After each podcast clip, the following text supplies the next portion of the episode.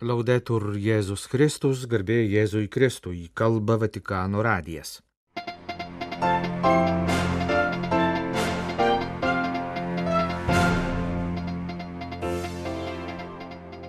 Popiežiaus užuojauta nukentėjusiems nuo gaisrų Havajuose.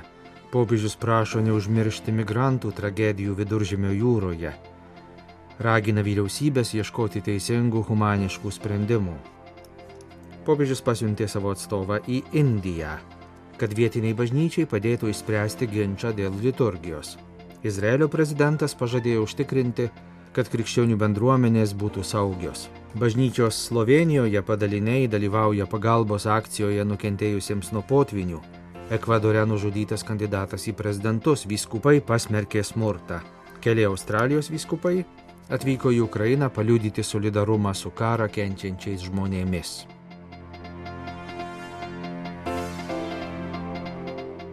Popiežiaus valstybės sekretorius kardinolas Pietro Parolinas pasiuntė telegramą apaštališkajam nuncijui Junktinėse Amerikos valstijose arkivyskupui Kristofui Pierui ir paprašė perduoti popiežiaus pranciškaus užuojautą per pastarųjų dienų gaisrus Havajuose žuvusių žmonių artimiesiems ir visiems nukentėjusiems. Popiežius reiškia solidarumą visiems, kenčiantiems nuo šios tragedijos, ypač tiems, kurių artimieji žuvo arba yra dingę be žinios, rašoma telegramoje. Popiežius meldžiasi už žuvusiuosius, sužeistuosius ir namų netekusius žmonės, taip pat už gelbėjimo tarnybų darbuotojus. Popiežius meldžia visą gali Dievą, kad visus apdovanotų stiprybę ir visiems suteikia paštališką įpalaiminimą. Pasak Havajų gubernatoriaus Džošo Grino, per pražutingus gaisrus žuvo jau mažiausiai 35 žmonės. Tūkstančiai žmonių turėjo skubiai palikti namus ir jiems reikia būsto. Tai didžiausia šios kartos stichinė nelaimė Havajuose, sakė gubernatorius, pridurdamas, kad vis dar nežinomas galutinis žuvusiųjų skaičius, nes daug žmonių laikomi dingusiais be žinios. Gelbėtojų komandos ieško išgyvenusiųjų. Tūkstančiai žmonių pasitraukė į saugesnės vietas, turistai ir lankytojai stengiasi palikti teritoriją.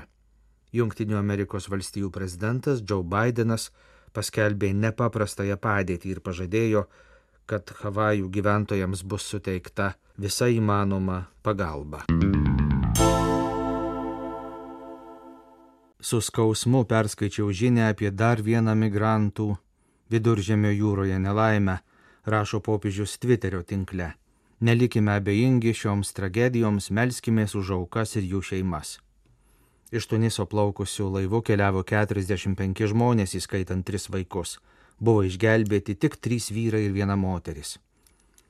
Grįždamas iš pasaulio jaunimo dienų Lisabonoje, per įprastinę spaudos konferenciją lėktuve popiežius dar kartą priminė viduržėmio jūroje vykstančias nelaimės Jis atkreipė dėmesį ir į tragišką padėtį tų patekti į Europą mėginančių migrantų, kurie yra sulaikomi ir kalinami nežmoniškomis sąlygomis stovyklose Šiaurės Afrikoje.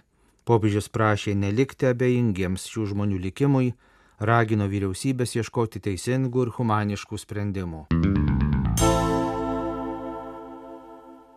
Popiežius Pranciškus paskyrė arkivyskupą Cirilį Vasilį savo ypatingojų pasiuntiniu, kuris turi padėti Indijos sirų malabarų bažnyčiai spręsti ginčą, sukėlusi nesantaiką ir bendruomenės susiskaldimą.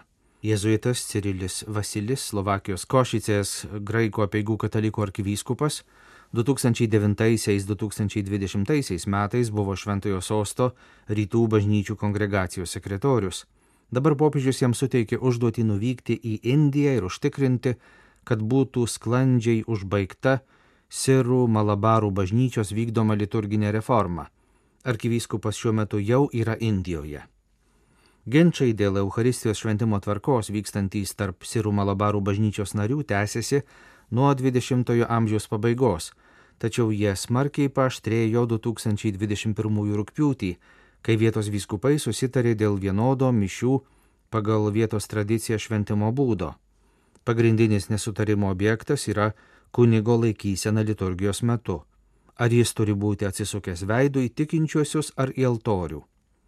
Po keliarius metus trukusių karštų diskusijų Sirų Malabarų vyskupai susitarė dėl kompromisinio sprendimo, pagal kurį kunigas per žodžio liturgiją stovi veidų į tikinčiuosius, per Euharistijos liturgiją yra atsigręžęs į altorių, o pabaigoje vėl atsigręžia į tikinčiuosius. Šios taisyklės, parengtos po keliarius metus trukusių intensyvių dažnai aršių diskusijų, buvo paskelbtos ir turėjo įsigalioti nuo 2021 metų advento. Vis dėlto biskupų pasiektas kompromisas netenkino dalies kunigų ir tikinčiųjų, visų pirma, Arnakulam Angamalį arkivyskupijoje. Dvasininkai, palaikomi savo bendruomenių tikinčiųjų, atmetė vyskupų sprendimą ir švenčia liturgiją visą laiką atsisukę veidų į tikinčiuosius. Kadangi vyskupų kompromisinio sprendimo nesilaikoma, buvo paprašyta, kad popiežius atsiųstų į Indiją savo atstovą, kuris padėtų sukurti pagrindą ramesnėms ir vaisingesnėms diskusijoms siekiant užbaigti bendruomenę skaldantį ginčą. Sirų Malabarų bažnyčia yra viena iš dviejų senųjų rytų bažnyčių, kita Sirų Malankarų bažnyčia, esančių pietų Indijoje. Sirų Malabarų bažnyčios ištakos siekia pirmosius amžius po Kristaus, pasak tradicijos, Kristaus mokymą į Indiją atnešė vienas iš dvylikos apaštalų Šventasis Tomas, todėl šių bažnyčių nariai dažnai vadinami Šventojo Tomo krikščionimis. Kai į Indiją atvyko misionieriai iš Europos, šios bendruomenės pripažino popiežiaus autoritetą ir oficialiai tapo rytų katalikų bažnyčiomis. Savarankiška Sirų Malabarų bažnyčios kanoninė struktūra buvo sudaryta 1896 metais. Šiuo metu Sirų Malabarų bažnyčia turi 35 vyskupijas ir arkivyskupijas, kurių 21 yra Indijos Keralos valstijoje, Indijos pietvakarinėje dalyje, 10 kitose Indijos valstijose, 4 už Indijos ribų - Australijoje, Junktinėse valstijose, Kanadoje ir Junktinėje karalystėje. Indijoje ir diasporoje šiai bažnyčiai priklauso beveik 4 milijonai tikinčiųjų.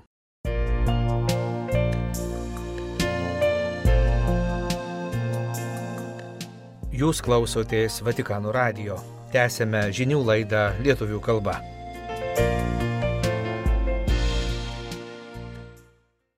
Atvykau čia Izraelio valstybės ir Izraelio žmonių vardu, kad užtikrinčiau mūsų įsipareigojimą visapusiškai apsaugoti religijos ir tikėjimo laisvę Izraelyje, pareiškė Izraelio prezidentas Izakas Hercogas per susitikimą su krikščionių bažnyčių atstovais. Susitikimas, kaip jau kalbėta vakar dienos mūsų laidoje, įvyko Karmelitų Stellamarys vienuolynė Haifoje. Dalyvavo Jeruzalės lotynų apieigų katalikų patriarchas arkivyskupas Pirbatista Pizzaballa ir Jeruzalės ortodoksų patriarchas Teofilius III. Taip pat Šventosios Žemės pranciškonų kustodijos bei kai kurių kitų krikščioniškų bendruomenių atstovai. Į Stellamarys vienuolyną Liepos pabaigoje mėgino įsiveršti žydai religiniai ekstremistai, šaukiantys, kad vienuolynas pastatytas vietoje, kur gyveno pranašas Elijas, turėtų būti nugriautas. Panašių išpolių prieš krikščionių maldos namus buvo ir kitur Izraelyje. Atsižvelgdamas į šiuos ir kitus smurto prieš krikščionys atvejus, Izraelio prezidentas rūpiučio 9-ąją apsilankė Stellamarys vienuolyne.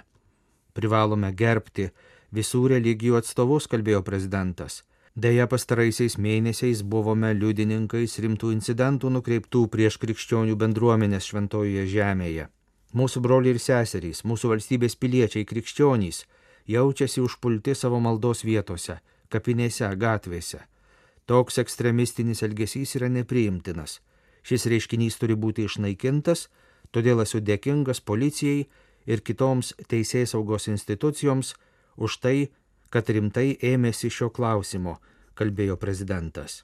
Mano žinia tiek Izraelyje gyvenantiems krikščionims, tiek viso pasaulio tikintiesiems yra tokia. Šventojoje žemėje krikščionių bendruomenės turi būti saugios ir klestinčios. Kartu su prezidentu susitikime su krikščionių lyderiais dalyvavo ir Izraelio policijos viršininkas Jakovas Šaptajus.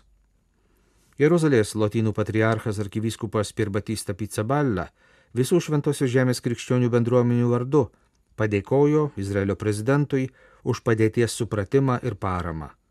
Turime draugę stengti stiprinti solidarumo ir meilės dialogą tarp mūsų.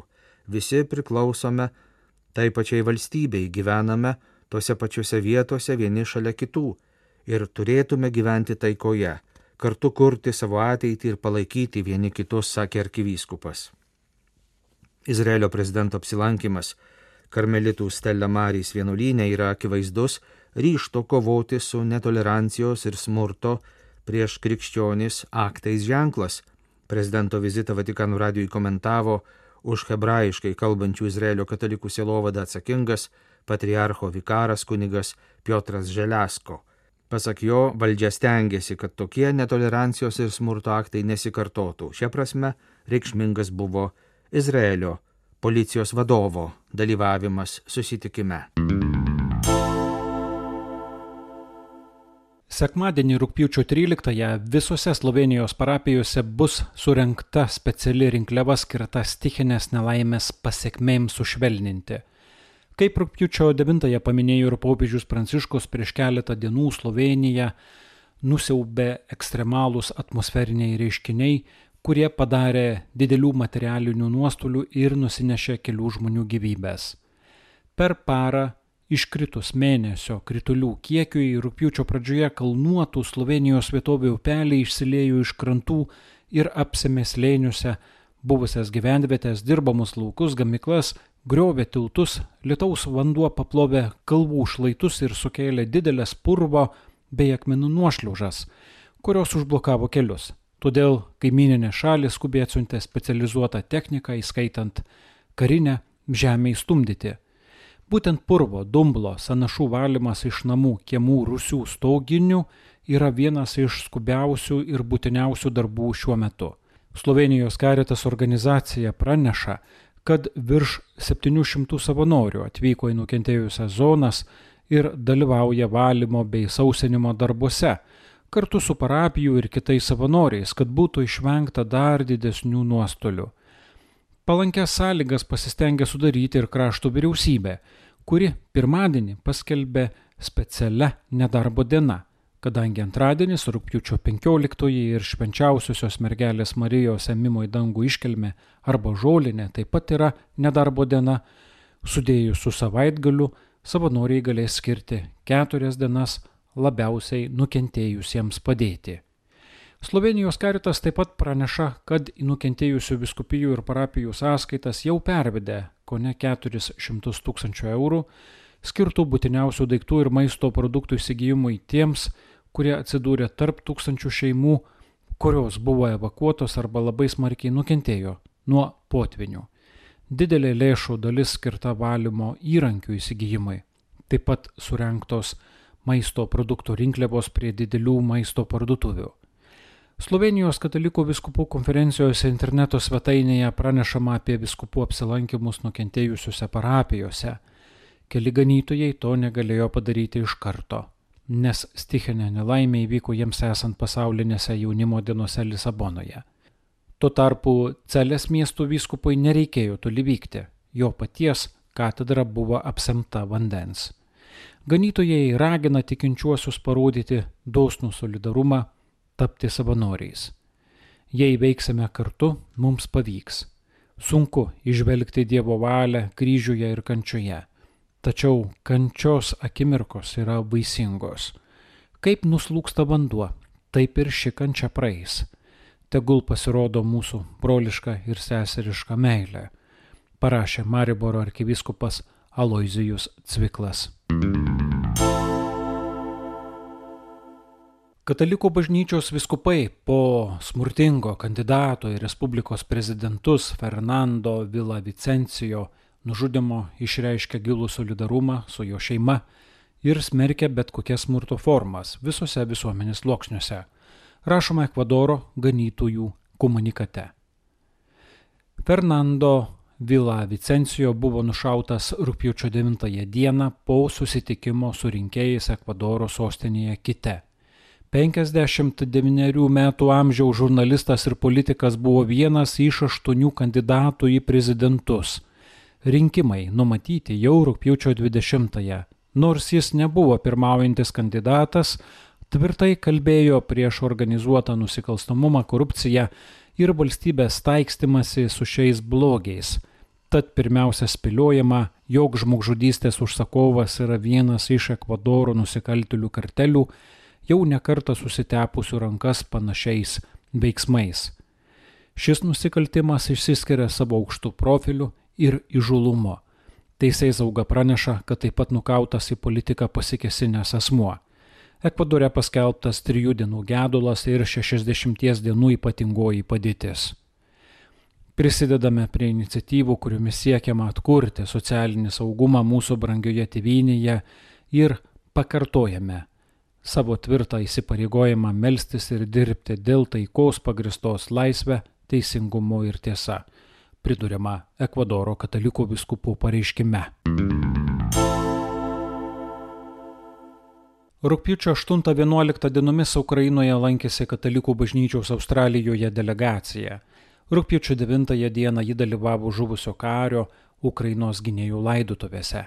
Kaip praneša Ukrainos graikų katalikų bažnyčios informacijos tarnyba, delegaciją sudarė Melburno ir Hobarto arkiviskupai Peteris Komensoli ir Julianas Porteus, Porto Pirio vyskupas Karolis Kulčinskis ir Melburno graikų apieigų katalikų eparchijos, kuriai priklauso daug Australijoje apsigyvenusių ukrainiečių, generalinis vikaras kunigas SimonasCkujus.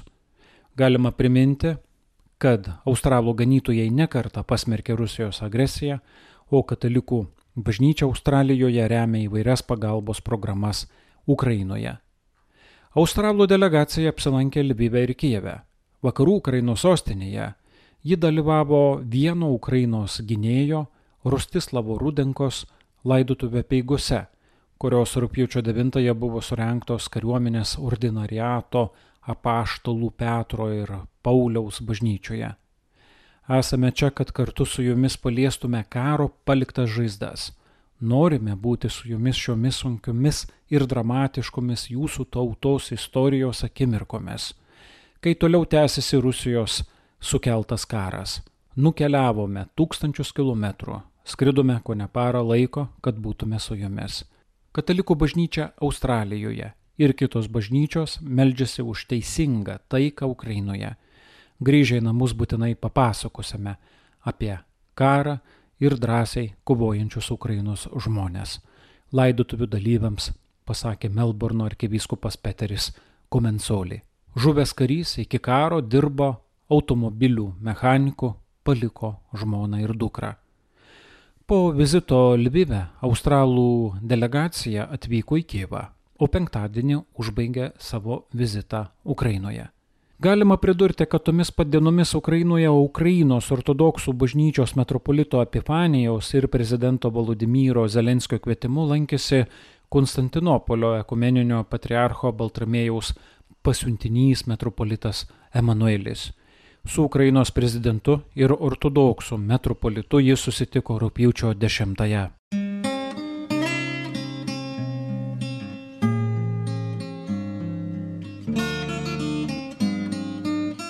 Kalba Vatikanų radijas. Laidą lietuvių kalba baigėme. Garbėjai Jėzui Kristui, laudetur Jėzus Kristus.